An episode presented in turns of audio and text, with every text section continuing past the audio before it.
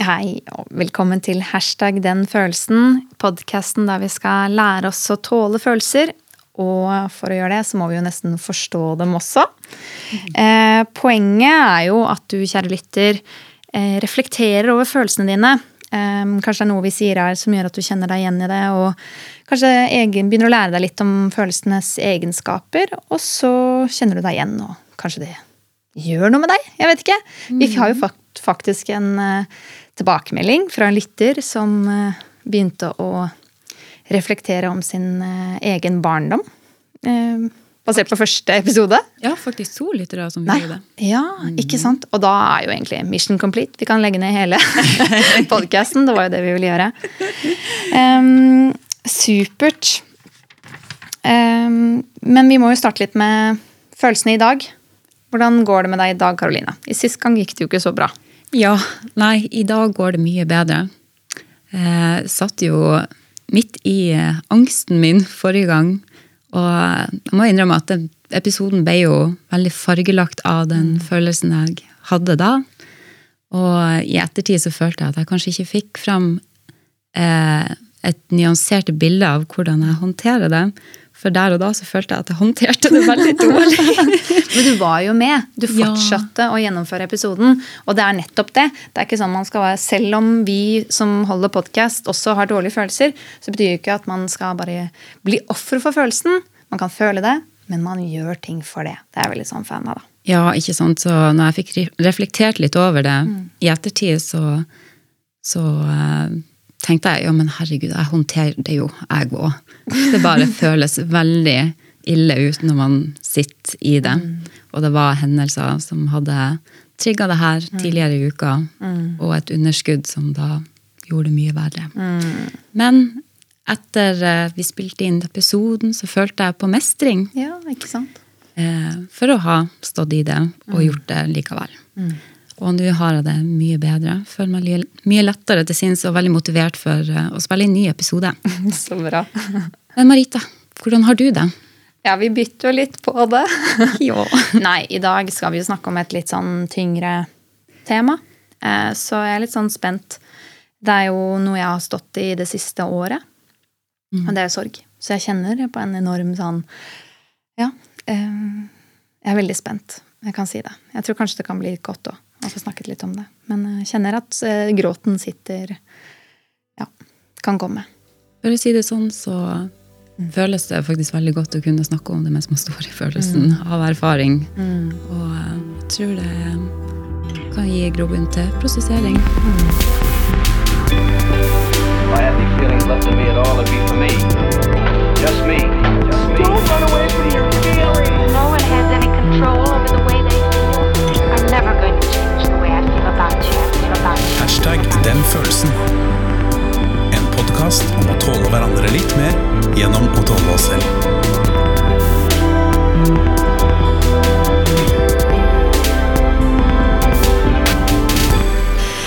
Ja, i dag eh, så skal vi snakke om eh, tristhet og om sorg. Eh, og så har vi jo funnet da, litt informasjon på favorittstedet vårt, Følelseskompasset. Ja. De blir sikkert eh, nedrent av eh, nye lesere, håper vi, etter at folk begynner å høre på podkasten. Det er veldig bra. Eh, men tristhet, tristhet er jo den vonde følelsen som kommer når du har mistet eller er i ferd med å miste noe som er viktig for deg. Og du kan nesten se på det som en slags indre rop etter å få tilbake eller holde fast i noe som er viktig. Et typisk eksempel er å kjenne tristhet eller sorg etter å ha mistet noen du er glad i, som jeg kjenner på. Eh, Som f.eks. et familiemedlem, en partner eller en venn. Men du kan også bli trist av å miste ting, steder du har mange minner fra, en jobb, muligheter, håp eller drømmer. Og tristhet kan kjennes på mange måter, men det er ganske vanlig å kjenne en klump eller tomrom i magen. Eller klump i halsen, varme i ansiktet og kjenne seg tung i kroppen. Og det å være trist kan være veldig vondt og overveldende, men det kan også på en rar måte føles litt godt, som kan forklare hvorfor f.eks. folk eh, oppsøker triste filmer. da. Det er også vanlig å gråte når man er trist, og det å gråte kan være ganske lindrende og beroligende. Og når du er trist og ikke kan få tilbake det du er trist for, er behovet ditt trøst, støtte og omsorg fra andre. Og noen ganger har vi selvfølgelig behov for å trekke oss unna og være for oss selv, men hvis du blir gående mye alene med tristhet, så er det en fare for at tristheten vedvarer, og du kan føle deg deprimert.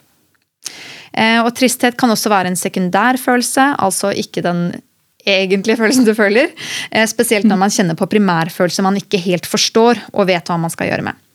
Tristhet er også vanlig i problematiske emosjonelle minner, som f.eks. tristhet over å ha vært mye alene, ikke fått det man trengte når man var liten, eller sorg over å ha mistet noen eller noe. Det å miste en av sine nærmeste kan oppleves som at en mister noe av seg selv. Um, og det eh, de vi lever i nærheten av, kan bidra til å gi vårt liv mening, og når de blir borte, kan det innebære en stor forandring. Det er samtidig viktig å ha respekt for at ikke alle nære relasjoner er gode, og at dette vil bidra til å påvirke opplevelsen av sorg og reaksjoner knyttet til dette. Mm. Det var det jeg tenkte også å si om sorg um, og tristhet. Og så er jeg veldig spent på gjesten vår i dag.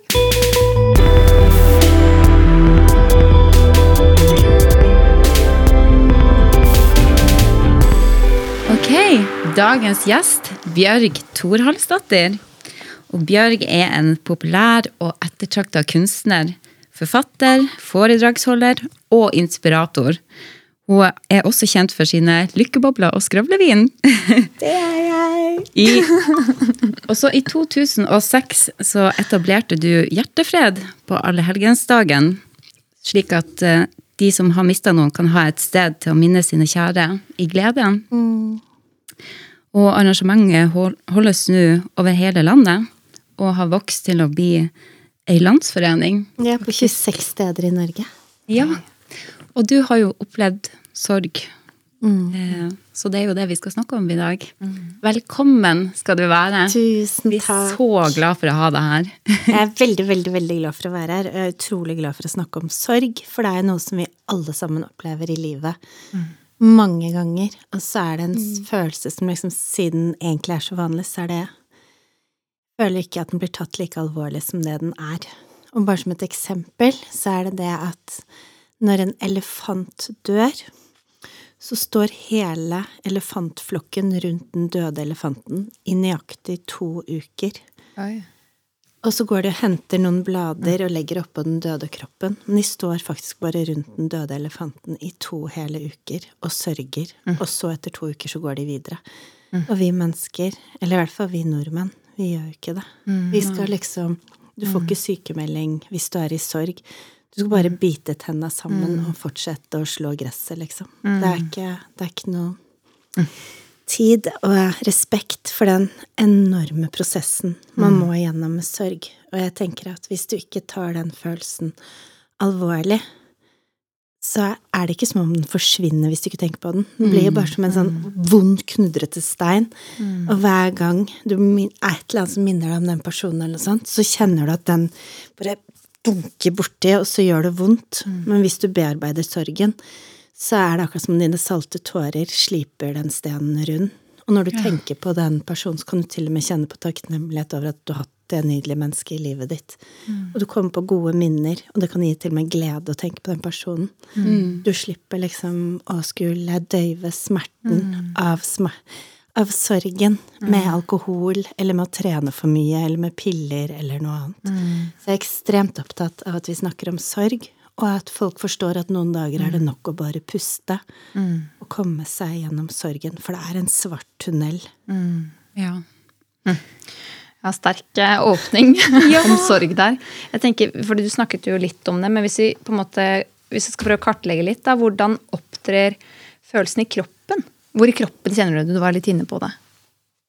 Um, for det, hvis vi begynner på toppen, så tenker jeg at uh, sorgen nummer på en måte hele hjernen, sånn at du ikke klarer å tenke klart. Jeg vet at da jeg mistet mannen min da jeg var 30, da jeg litt like gammel som deg, så, ehm, så vet jeg at jeg klarte ikke å avslutte en hel setning omtrent et år. For sånn, søsteren min sa jeg var skikkelig irriterende. Bare 'Bjørg, hvordan går det med deg?' Så bare Nei, det går Og så bare 'Bjørg, hvor er du?' Så det liksom bare hodet blir borte. Og så tror jeg at hvis man ikke bearbeider sorgen, så er den på en måte i brystet. Det er som sånn derre Når du får det dødsbudskapet, så er det akkurat som du får en elefant til å stå på ett ben på brystet ditt. Eller du bare Du kjenner det derre trykket som bare Det gjør så vondt. Og så tenker jeg at hvis du fornekter følelsene, så setter det seg i magen, så får du vondt i magen og vondt Ja. i ryggen. Så det er helt Den derre fornektelsen Det er ikke bra. Men jeg ser at sorg fører jo til andre følelser. Det fører til veldig mye sinne. Det å prøve å skylde på noen for at den personen er død. Eh, og liksom sjalusi for at andre kanskje fikk en større plass. Det liksom Det kommer opp så mange andre følelser. Så derfor er det også så viktig å bearbeide sorgen. For at eh, hvis du setter et lokk på sorgen og ikke tar den følelsen alvorlig, så bare begynner det å gro og spire masse stygge, svarte vekster inni deg av følelser som du ikke vil ha. Kan du kjenne igjen noe av det? Var det sånn du opplevde det? Jeg, jeg opplevde da mannen min døde, så eh, var jeg kone nummer tre. Og de andre to konene var liksom sure, for jeg hadde hatt tre dagers bryllup, mens han hadde bare dratt alene med de på rådhuset. Så jeg tror de følte liksom at eh, jeg hadde fått mye mer, og jeg var liksom den siste kona. Så da han døde, så var de kjempesinte på meg, fordi at han var død, og mente at Og bare kom med masse beskyldninger og sånn, som var helt fjerne. Og så er det den grådigheten som oppstår også, ofte. Som, så de hadde med lastebiler og tømte huset vårt. De tok til og med med oppvaskmaskin og vaskemaskin. Å. Og politiet kom og lurte på om det var innbrudd, og så sa jeg nei, det er bare eksene til mannen. Men for det, det er Altså, det skjer så mye rart. Det er derfor jeg begynte på toppen, for det skjer så mye rart oppi hodet. Det er derfor aldri ta mennesker som er i sorg, alvorlig, på en måte, og ikke tenk sånn 'Å, nå har hun glemt meg', eller 'han glemt meg', eller 'Hvorfor er hun så sint', eller 'Hvorfor oppfører hun seg så rart'? For jeg tror at når folk mister noen de elsker, så blir man veldig irrasjonell. Jeg, tror, jeg, vet, jeg er ikke noen forsker, så jeg vet ikke hva som skjer med hjernen. Men jeg vet at det skjer ting som ikke er bra, og at man må bare vise hverandre veldig stor tålmodighet i den perioden. Jeg kan jo kjenne det igjen eh, med å liksom bli irrasjonell, for jeg fikk jo Det er jo litt av hvorfor vi gjør den podkasten her også, av jeg mista en venninne til selvmord i fjor. Eh, og når jeg fikk da den telefonsamtalen på morgenen før jeg skulle på jobb, så husker jeg jeg var litt sånn Hva, hva gjør jeg nå? Eh, så jeg dro på jobb. Mm. Og så ble jeg sittende på, på bussen og tenke hva er en god grunn? Hvis jeg, hvis jeg skulle begynne å grine. Eh, som om det ikke bare er god nok grunn til at jeg nettopp har mista en nær venninne. Men, jeg- men jeg klarte ikke å Ja, jeg, jeg, Men det er derfor vi ikke Ja. har den åpenheten i samfunnet nei. vårt. Men jeg føler at den har blitt mye bedre siden Eric døde for 15 år siden. Men eh, det var derfor jeg starta Hjertefred. For jeg opplevde at eh, folk jeg kjente, gikk til den andre siden av veien når de møtte meg. For de turte ikke møte meg, for de visste ikke hva de skulle si. Ja. For vi har ikke lært å sette ord på sorgen. Og det eneste jeg trengte, var bare en god klem. Folk er så utrolig redd for å si noe feil og skulle støte og sånn. Ja. Men du kan egentlig ikke si noe feil, for jeg i hvert fall. Det er bare, man trenger bare Og det er så deilig når noen spør, og du kan faktisk snakke. Og jeg tenker at eneste måten å få en følelse ut på, er å snakke om den. Jeg vet at de med angst, at hvis de bare sier 'nå har jeg angst', nå er jeg kjemperedd, så forsvinner den følelsen. Så bare det å få lov til å snakke om den personen som er død, å få lov til å tømme seg, og på den måten også komme videre.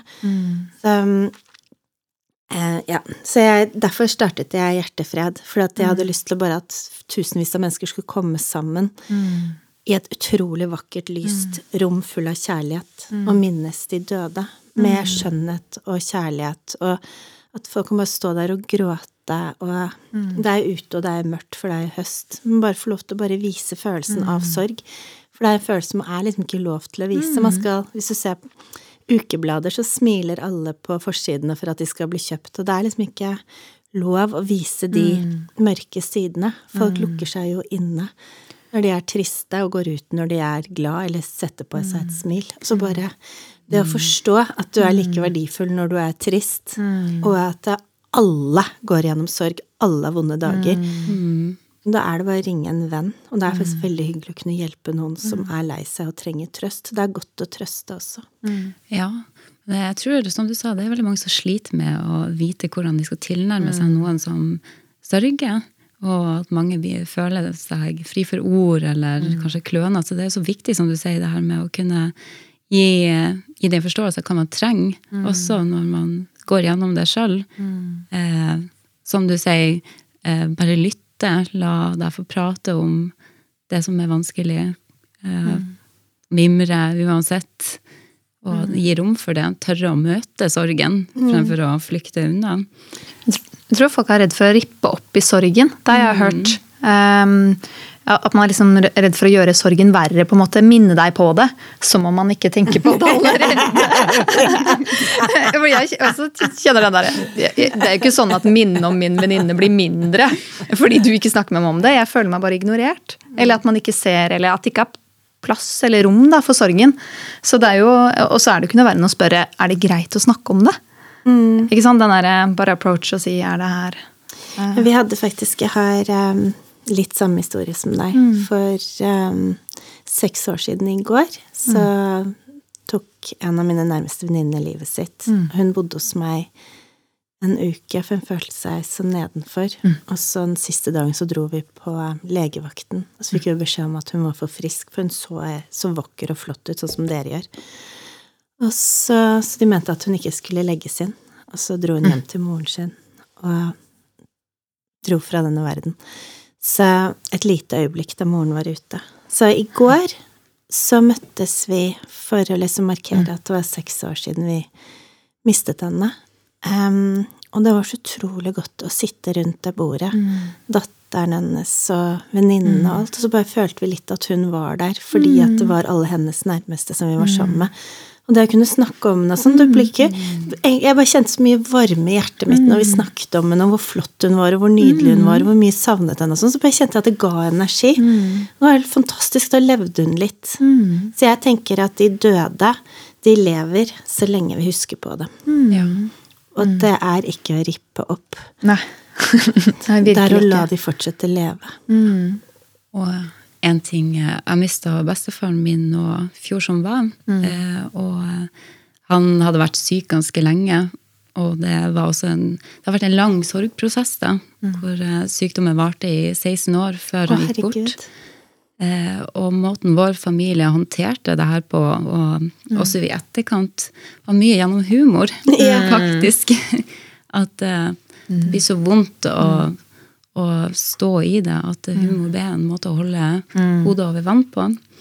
Eh, så produsenten vår her, han sa det, at eh, humor kommer fra smerte.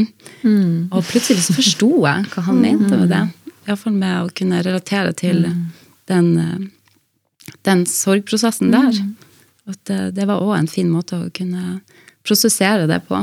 Og så møte dem med glede, og sånn som du snakker om i Hjertefred, at dere finner hverandre og minnes de som er døde, i glede. Mm, og så ta seg den ene timen i året hvor du faktisk bare står der og får lov til å kjenne på sorgen. Og får lov til å bare være i den, og få lov til å være i den. Ikke det at du skal skjule den, men at du bare kan være i den, liksom. Det er så deilig. Så jeg har jo skrevet en bok som heter Varm favn, sammen med Anne Wada. Hvor eh, det er liksom bare en CD med triste sanger om døden. så når du tenker på den personen du savner, så kan du bare sette på den CD-en med de triste sangene. Og så kan du sette deg under et pledd og drikke en deilig kopp med god te eller hva som helst. Og så bare sitte der og gråte og tenke på den personen og savne den personen. Og det er så godt. Det er liksom å vaske sjelen ren innvendig. Det å ikke sørge, det er akkurat som alle tårene som er ugråtte, blir til sånne små pigger som bare setter seg på innsiden av deg, og så gjør det vondt uansett hva du gjør. Så det er så viktig å ta den sorgen. Jeg syns det er så trist at sorg er blitt sånn tabubelagt, nesten. Og og at menn tror at hvis de sørger, så er det en svakhet. Mens jeg syns at det er en styrke å klare å sørge. Det viser at noe har betydd noe. Sorg er jo dette med, med tap, ikke sant? At man har mista noe. Og, og det å liksom vise at det har betydd noe for en. Da. Det er jo ikke noe svakhet i det. Men um, hvis vi tar oss og kartlegger liksom på en måte hvordan det kjennes i kroppen da. Nå, har jeg liksom, nå har jeg nettopp gått gjennom sorg, så det kan, denne, dette med, okay, det liksom kan sette seg i, i halsen eller brystet. Og så er det liksom interessant dette med tynget av sorg. Eh, ikke sant? Det sier litt om at den er veldig tung. Ja, den tar all energi. Ja, ikke sant? Og så liksom kjennes det ut som noen står på deg, på en måte. Og jeg husker når mormor døde nå i, i sommer. Jeg skulle dusje før begravelsen, og da var det sånn Det var tungt å løfte opp dusjhodet. Og da kjente jeg da var jeg jo i prosjektet her og med podkast. Tenkte sånn, ok, prøv å se hva som skjer nå i kroppen. Bare kjenne liksom tyngden og bare Ja, jeg er tung. Og så kjente jeg at jeg ble sånn framoverluta. Fordi det er så tungt å gå og bære. Men også en interessant ting var jo dette med som kunne kjennes i kroppen, det behovet for nærhet. Behovet for trøst. Det var liksom, ja, Man vil gråte som uttrykk for det, men eh, Karoline kom jo faktisk hjem til meg dagen etter at eh, Eller når jeg fikk vite at mormor var død. Hadde hun tatt med seg blomster og sånne hjertesjokolader. og jeg er ikke så veldig Jeg vet ikke, jeg har kanskje ikke hatt kjent så mye på det behovet for nærhet før. Men jeg tror kanskje det er fordi jeg har vært litt redd sorg. At det har vært litt tungt å skal tørre å kjenne på det. Men når jeg først torde Det eneste jeg ville, var jo bare legge hodet mitt i fanget på Karoline og, og liksom få den kosen. da. Og det var litt sånn, Så det er jo litt interessant at hvis man tør å gå inn i sorgen, så kan det også komme veldig mye vakkert frem også, da, Ja. som du sier. Det er også tenkt deg så utrolig vakkert da, at når du dør, så er det noen mennesker som nesten ikke klarer å fungere i et år etter at du er borte, fordi at du betyr så mye for dem.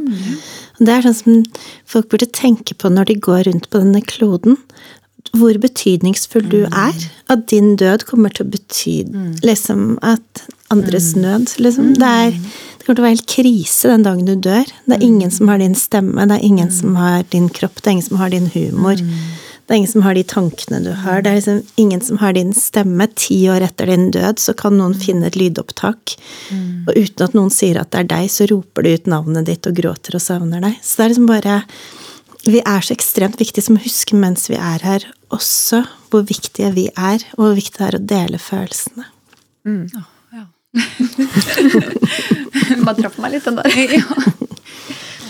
Så jeg tenker at ehm, sorgen, det som er bra med sorgen, den er at vi kommer så nære livet når vi kommer nær døden, for da forstår vi hvor utrolig dyrebart livet er. Når du har en venninne sånn som vi har hatt som plutselig forsvinner, så tenker du bare de dagene her får ikke hun vært med og delt. Hun er ikke her mer. Og jeg kjente i hvert fall på et veldig sånn livs... Det var litt sånn jeg tenkte bare hvis jeg har lyst til å gjøre noe, så må jeg bare gjøre det med en gang. Jeg bestilte en billett til Bali enveis til meg og sønnen min. Og flytta dit i seks måneder. For at jeg bare Jeg har lyst til å ha han for meg selv nå som han syns jeg er kul, for snart kommer han til å bli ungdom og synes jeg er skikkelig teit.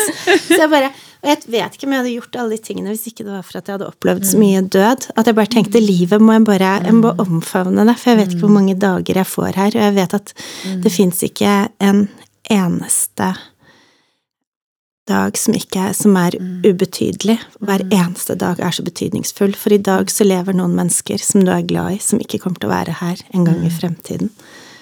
Så det er bare det å gripe hver dag har i hvert fall blitt min greie. Så jeg tror at døden har lært meg å leve sterkere. Åh, ja, der har du virkelig en av de positive eh, sidene som kommer fra det å oppleve sorg. Og mannen min han var alkoholiker, og jeg tenkte sånn når jeg danser en dans, så må jeg danse dans for han. Og når jeg tar en drink, så må jeg ta fire for han. Det er litt slitsomt etter at han døde, da, kan du si.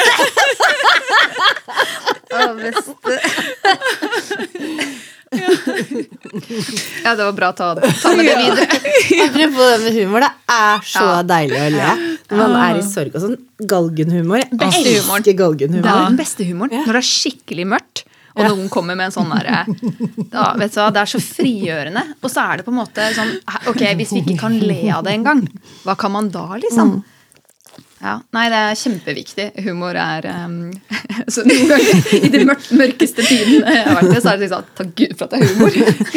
Men du, det kan hende stemmer det som Andreas sa. Jeg har aldri tenkt på det før. Men hvis du begynner å tenke på hvor det er sånn utrolig mye humor, hvor de ler hele tiden Så vet jeg sånn Oppe i Nord-Norge så er de morsommere enn nede i Sør-Norge. Det har jo mye hardere der. Enig. Jeg er helt enig. Og så eh, på Island så er det helt Det er så mye humor. Alle, det er, og så tenkte jeg bare Irland er jo den delen av Storbritannia som har hatt det tøffest. Og de er Jeg syns at de fra Irland er enda morsommere enn de britene. Mm. Så jeg bare og skottene. Så jeg tror liksom det er Jeg tror kanskje at det, etter at du sa det, så jeg tenkte sånn Fader, det stemmer. Og så nede i Italia og sånn, de er ikke så morsomme der hvor de har hatt det kjempedeilig og spist masse pasta og Ja, nei, jeg måtte Hjelper liksom tygge litt på den at uh, humor uh, Det kommer fra smerte. Men uh, da det bare Plutselig så sa det bare Lyset gikk på. og da skjønte jeg det at ja, det, Ja, for det er for å tåle smerten, Ja. så er det litt på Humor er et slags lys. Ja, det, det er tungt å leve noen ganger. Det blir på en måte overlevelsen. Ja, men det er skikkelig overlevelse. Jeg har en egentlig ganske grusom historie på det. Men da jeg var på 26-årsdagen min, så var det en Um, en venn av meg som eh, skjøt seg selv Oi. i stua. Så han eh, Eller i gangen ved stua. Så foran meg og venninnen min. Nei. Så han tok livet sitt foran oss. Men han var manisk depressiv, så han var jo syk. Eh, For øynene ble helt svarte. Herregud, så Og, og så tenkte jeg når han sto der med pistol, så tenkte jeg kanskje jeg burde ringe til politiet. Og så tenkte jeg nei, dette er sikkert ikke viktig nok. Jeg så 26 år og bare nei, vi kan ikke drive og bry de med en mann som er manisk med pistol. Men eh, da, etter at han skjøt seg, så kom det jo seks politibiler eller noe sånt. Og så husker jeg og min var livredde for at de skulle tro at det var oss som hadde skutt han, men heldigvis så så de jo at han Man ble Man får jo hele sånn Ja, ja. Men i hvert fall da vi, bekjør, da vi kom tilbake igjen etter at vi hadde vært på sykehuset, så eh, på sånn akutt, så hadde de tatt med seg kroppen, men eh, de hadde ikke vaska. Så oh, hele hjernen hans var utover hele veggen. Men da kom vi tilbake til galgenhumor. Ja. Saved by the bell. Det var bare helt utrolig, for da var vi sånn ja, nå må vi ta på oss gule oppvaskhansker og lage litt godt såpevann! Og så, og han var forelska i henne, så vi var sånn så jeg drev, og så tok ut sånne litt sånn, Det så ut som sånne hjerneceller, så jeg drev og holdt de og bare Neimen, se her! Her, ser du her? Her drev han og tenkte på deg! Og dette ser ut som litt naughty thoughts! og så var det bare Og det, er- hvis noen hadde kommet inn der, så hadde de bare tenkt de er fuckings psycho. Og det kan godt hende at vi var det også. Det blir sjokk, men det var bare, Ja, ja. Men det er bare sånn, men det er eneste måten du klarer å overleve på. Når du skal prøve å vaske ned en leilighet etter at du har sett en mann skyte seg, og så skal du vaske bort det. Da tror jeg liksom det bare Det ble sånn overlevelsesgreie, men det var humoren som reddet oss. All den smerten. Jeg tror det er mer smerte jo sykere humor, for vi hadde veldig syk humor. men det var virkelig Hvis ikke det hadde vært for humoren, så, så tror jeg det hadde klikka for oss. Ja, hvordan tror du hadde reagert hvis ikke dere hadde klart å på en måte skapt den humoren i det selv? For den er jo ganske absurd. Ekstrem. Jeg, jeg, tror, jeg, jeg tror ikke jeg har hørt eh, noe mer historie, faktisk. skal jeg være helt ærlig. Så det er ganske ekstremt. Ja. Ja, men jeg tror at en hører folk som er i krig, eller som er liksom i veldig ekstreme forhold, så, så sier alle sammen at, det, at de får så mye humor. At de ler og ler og ler. Så jeg tror bare Jeg tror menneskehjernen er bare bygd opp. Forsvarsmekanisme. Ja. Det er akkurat som hvis du tenker på Hvis du går tilbake til sorg, hvor ekstremt sliten man blir av sorg. Og da tenker du også bare på at det er jo kroppen som sier ifra. At det er, det er At det er noe som er blitt revet fra livet mitt. Det er, det er utrolig interessant, for det er jo Folk sier bare 'å, det er bare en følelse'. Og min bestefar mente jo at følelser var noe som kvinner hadde skapt for å gjøre livene til menn vanskelige. Men, men sorg er jo en følelse, og det sier litt om hvordan en følelse Og alle som har hatt kjærlighetssorg, de vet jo hvor du Du bare er li, Livet er dritt, liksom. Du vil ingenting. Alt er bare vondt. Du klarer ikke å se lys. Du har ikke lyst til å stå opp. Det, du, har, det, du mister livs... All livsgnist. Det er akkurat som å putte en fyrstikk ned i vann, liksom. Du har bare lyst til å ligge der. Du er mørk. Jeg tenker liksom, det er liksom å bygge tilbake til livet, og det er ingen humor i Når du er i sorg, så er det Hvis noen sier Det skal så mye til for at noe skal være morsomt. I hvert det er fall to flasker med Baileys. da er du kvalm attpåtil.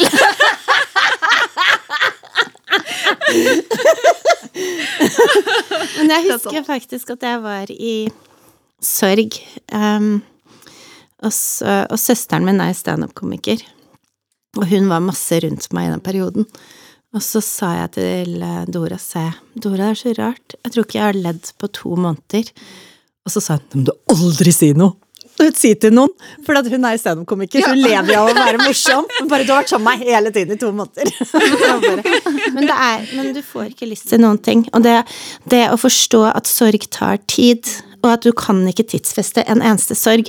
Noen bruker et år kanskje på å komme over kona eller mannen sin fordi at de har, har kanskje bearbeider det mer, eller gir seg mer tid, eller har en psykolog, eller bare er satt skrudd sammen annerledes.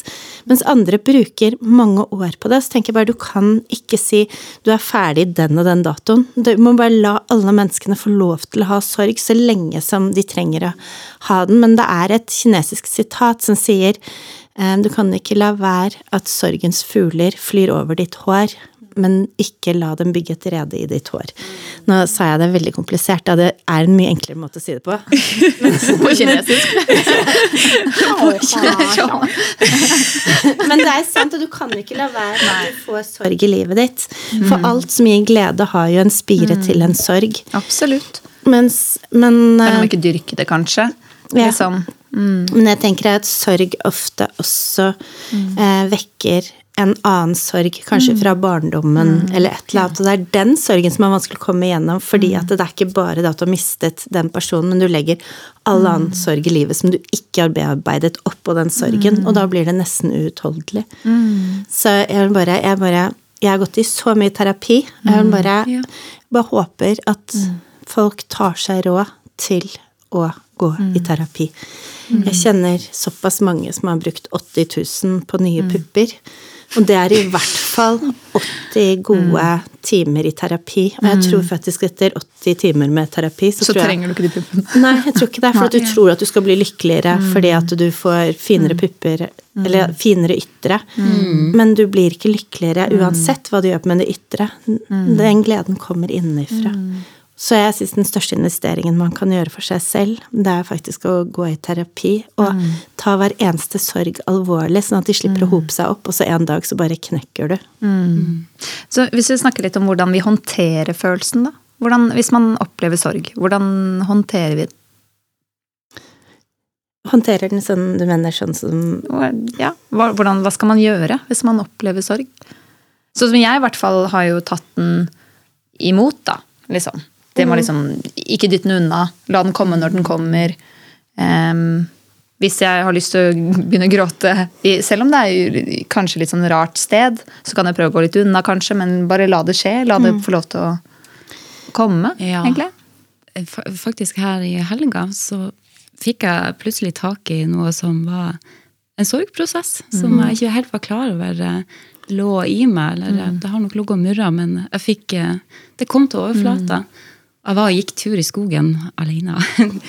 og jeg bare kjente på det behovet for å virkelig gråte. Sånn ordentlig prosesseringsgråt hvor man hulker og det er det de kaller for ugly cry, kanskje. Men eh, med lyd og med liksom all den krafta det hadde. Og det for meg å håndtere gråt, det, det syns jeg virkelig var en sånn god ting å gjøre, da, for å kjenne på at det, åh, det slapp. For det var, som du sa, det mye som har hopa seg opp gjennom eh, tida, hendelser, eh, vonde minner og sånt som eh, får lov å bygge, bygge seg opp til noe større. Og det kan jo også resultere i at man blir deprimert hvis man ikke tar tak i det. Tillater seg å føle det. Så det her med å, faktisk bare la det få komme, og tørre å gråte, det følte iallfall jeg var en veldig god ting å gjøre for min egen del. Det er helt fantastisk, og helt fantastisk at du klarte å ta tak i de følelsene og kjenne på de, og ta dine egne følelser på alvor, og ikke skyve de bort og tenke at det er feil følelser. Helt fantastisk. Det føltes veldig frigjørende ut. Og plutselig så hadde jeg plass til noe annet. Eller altså det åpna opp et rom der til noe, Men det til noe jo, nytt. ja, det blir jo litt som å lytte til en venninne som har det vondt. da. Hvis du lytter til deg selv som har det vondt også. Man, skal, man sier jo det, vær din beste venn. Men det er noe med liksom Ja, vær din beste venn. Helt sånn i det praktiske. Jeg liker jo det Hva gjør man, liksom? Ja, vær din beste venn. Snakk til deg selv som om du er din beste venn, og møt deg selv som om du er din beste venn. Så hvis du går gjennom noe vondt, tenk hva ville, du, hva ville jeg sagt til Karoline nå? Jo, jeg ville sagt du trenger kanskje ikke å være kjempeflink i dag. Du trenger kanskje ikke å eh, gi alt. Kanskje du skal slappe av. Kanskje du skal ta deg litt tid for å være alene. Og, og hør ja, liksom, Lytt til deg. Det var jo det jeg ville sagt til deg. Da burde jeg jo også gjøre det til meg. da. Og det å liksom kjenne på sorgen og kjenne at i dag er jeg tung. Det er tungt, og ting går ikke så fort i dag. Og det er helt greit. Ja, nemlig. Det er, Det er helt greit. greit. Du er like mye verdt selv om du ikke produserer noe. Nei, og liksom det å skal liksom øh, komme seg unna de følelsene og liksom si nei, nei, jeg kan ikke være tung i dag. Sånn, jeg tror ikke det hjelper. Eh, Du blir ikke mindre tung av å late som du ikke eh, kjenner på de følelsene. da. Ja, Du. Gråten blir ikke, forsvinner ikke fordi du sier sånn 'jeg kjenner den ikke'. Ja. Nei, Jeg tror det er å være raus med seg sjøl. Omsorgsfull. Jo. Det er å vise seg selv kjærlighet. Min mamma som er sånn superterapeut Jeg vet du har lest gjennom bøkene hennes, Karoline. Um, som jeg er veldig stolt av mammaen min. Hun sier det at når du kjenner en sånn sorgfølelse kommer, og du trenger ikke analysere den, du trenger ikke prøve å tenke sånn hvor er det denne her kommer fra?' eller sånn. Men bare gå inn på et rom og sett deg ned på en stol og kjenn på den følelsen, og gråt, og så forsvinner den. Og så trenger du ikke analysere noe mer, eller noe, men den kommer til deg, og så bare lar du den gå, og så er du ett steg nærmere et lysere sinn. Ja, men faktisk. Ja, det er liksom bare la den skyen få lov til å forsvinne ut, liksom, av deg. Den eneste måten den forsvinner ut på, er gjennom dine kroppslige reaksjoner med gråt og sorg. Ja. Vet du hva som er veldig interessant? At tårer som er sånn sorgtårer, er kjemisk satt sammen annerledes enn vanlige tårer som du får hvis vinden blåser, eller hvis du har eller hvis du har allergi, eller hva Ja. som helst. Men sorgtårer er satt sammen helt annerledes. Du, Det har jeg faktisk hørt, og at det er bra for deg å la det få Altså at det kommer på huden, og, og at det kan være faktisk bra. Smøre tårene ut, til og med. det, det var noen som jobba med det her, som fortalte det. det. Ja. Det er noe med det kjemiske forbindelsen man kan se når det er Eller hvis man skulle ta en lupe på tårene, så nesten så man kan se at det, det her er sorgtårer. Jo. Så tenk det er så viktig. Det må komme ut. Og så tenker jeg det er så mye vi ikke forstår med vår egen kropp og vårt eget sinn og sånn. Man må bare godta det sånn som det er. Ja. Man kan sikkert google det og Ja. finne ut av det. Og være litt nysgjerrig. Ja. Men hvis du ikke orker å google og sånn, så bare godta at det er sånn, og så bare la det skje. Så vet jeg også at eh, når du går igjennom en skikkelig sorg, så blir det synlige arr på hjertet ditt. Oi, Du får faktisk eh, Du kan faktisk se på hjertet. Sånn, så når folk sier at nå går hjertet mitt i tusen knas, Nei. så gjør det faktisk det. Så hvis du ser på et Oi. hjerte, så pumper det blod annerledes og sånn. Det er fysisk, så skjer det. Sier jo litt om hvor kraftfullt det er, den, den følelsen. Men har Det var en gutt en gang som hadde så kjærlighetssorg over meg. Han sånn, du vet at det er folk som har dødd av kjærlighetssorg. Bare, Jeg følte jeg det litt eh, responsibility. Ta oss et kompliment, da. Men eh, har du alltid hatt lett for å uttrykke sorg? Eller eh, har du Nei. kommet gjennom andre typer følelser? Som sa, noen blir jo sint, og, eller det kan jo være en kjedereaksjon av følelser. Så hvordan har det vært for deg i si, starten, eller? Jeg tror det som har liksom vært min liksom største mm, da, det var at eh, jeg studerte til å bli terapeut.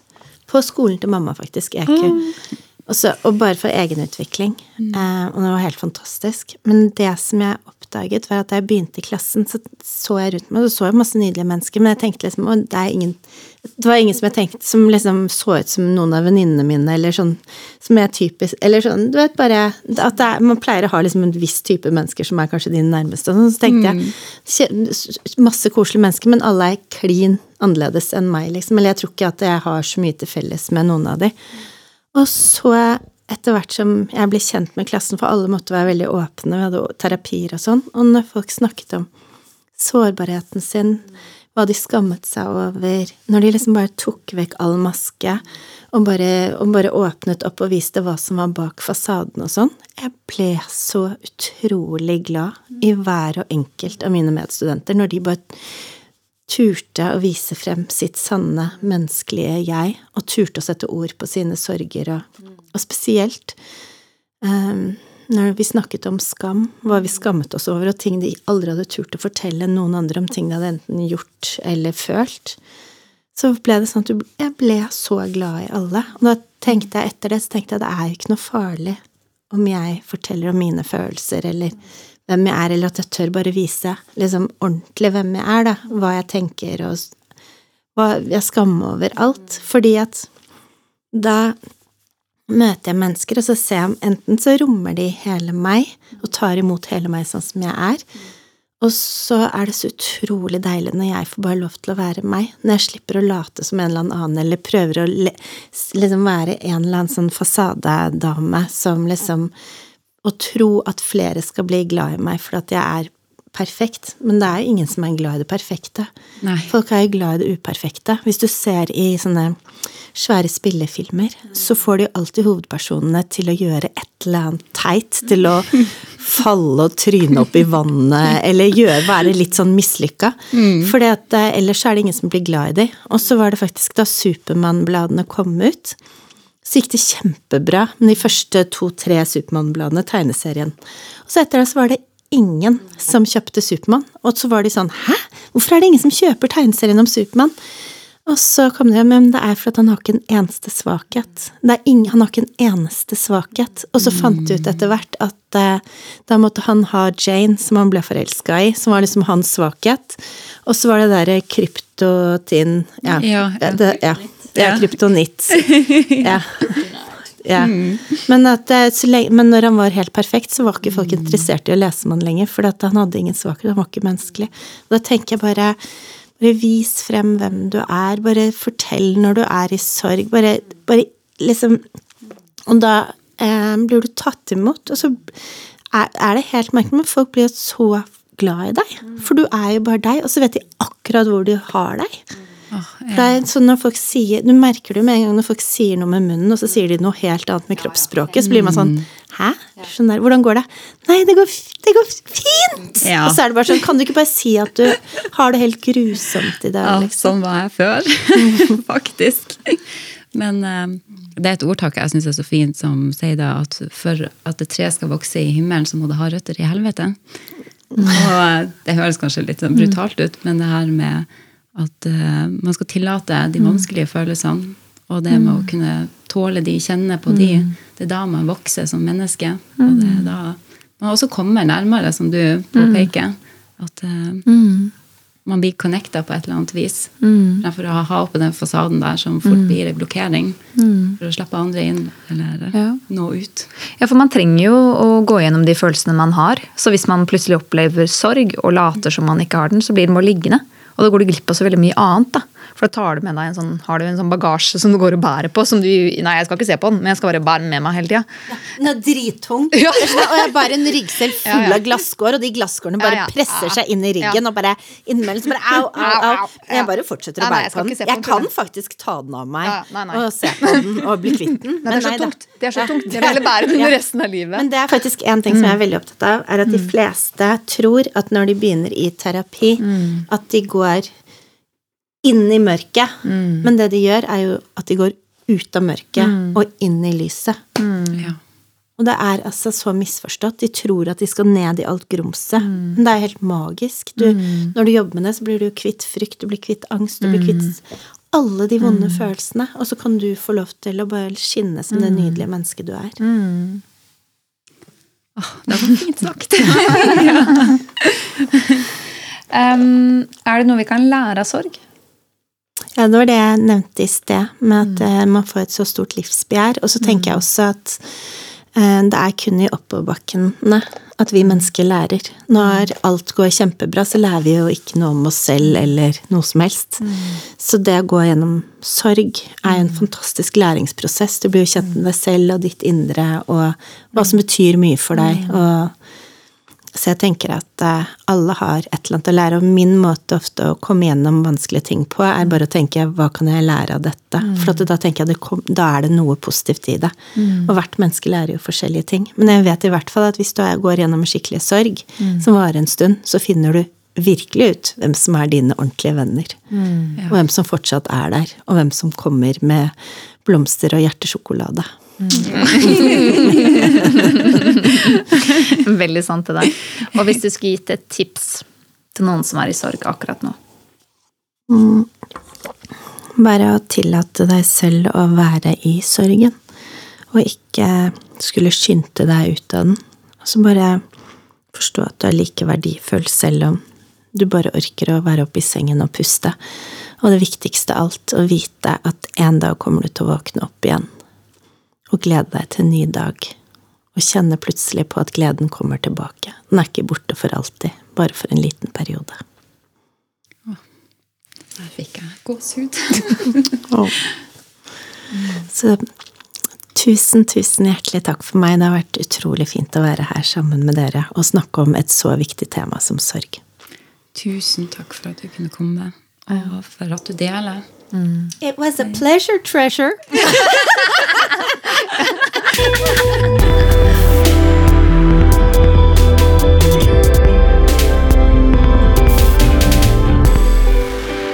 Ja, da har vi hatt intervjuet, Marita. Hvordan syns du det gikk? Jeg syns det var eh, veldig fint. Det var veldig annerledes, enn jeg trodde det skulle være, faktisk. Eh, jeg hadde jo litt sånn klump i halsen og har vært veldig tung i, i dag også, for jeg var litt sånn redd for Jeg var eh, ikke redd, men bare kjente på sorg, da. Og så ble det en veldig sånn morsom og litt absurd eh, episode. Eh, hun er jo helt fantastisk. Ja. Og ja, bare alt det hun har opplevd og ja, jeg, jeg, jeg satt tok meg med dette at det er jo ulike skalaer av, av, av sorg. Og hun har på en måte vært virkelig inne i på en måte ganske all, liksom, Mange traumatiske, ja, mange traumatiske hendelser. hendelser. Ja. Ja. Og når liksom hun er så blid og finner liksom det vakre i det, så er det veldig mye sånn håp, da. Ja. Det er kanskje andre som, som opplever sorg. Ja, hun viser at det er lys i tunnelen. Det går an å komme seg helskinna ut av slike tunge sorgprosesser. Men eh, som hun sier, hvor viktig det er å tillate seg å føle. Og eh, ikke rushe ut av følelsen heller, men la den få være der så lenge den må. Mm. At det kan være fint å sitte der litt, liksom. Eh, og, Ja. og ta vekk tabuene og bare si, sitte i sorgen. Nesten hylle den, på en måte. Eh, uten å dyrke den, da. Viktig den balansegangen der. Mm. Nei, jeg syns alltid at det var en veldig oppløftende eh, eh, episode.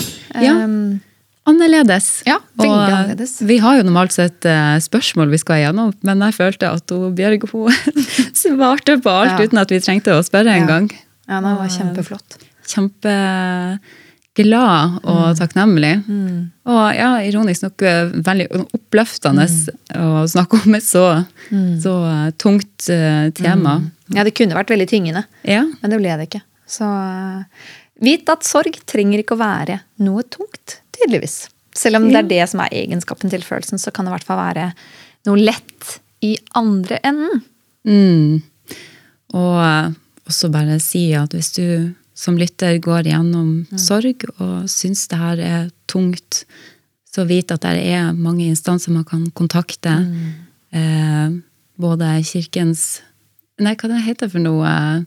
Jeg har jo skrevet en eh, Eh, Sjømannskirken. Ja. Ja, de er mine favoritter på dette med De er jo så flinke. Kirkens SOS. Ja. Og forskjellige landsforeninger for både mental helse og for etterlatte ved selvmord. Så det finnes masse instanser som kan hjelpe når man går gjennom en sorgprosess. Og del med venner. ja. Og pass på deg selv, kjære lytter. Mm. Takk for oss. Takk for oss.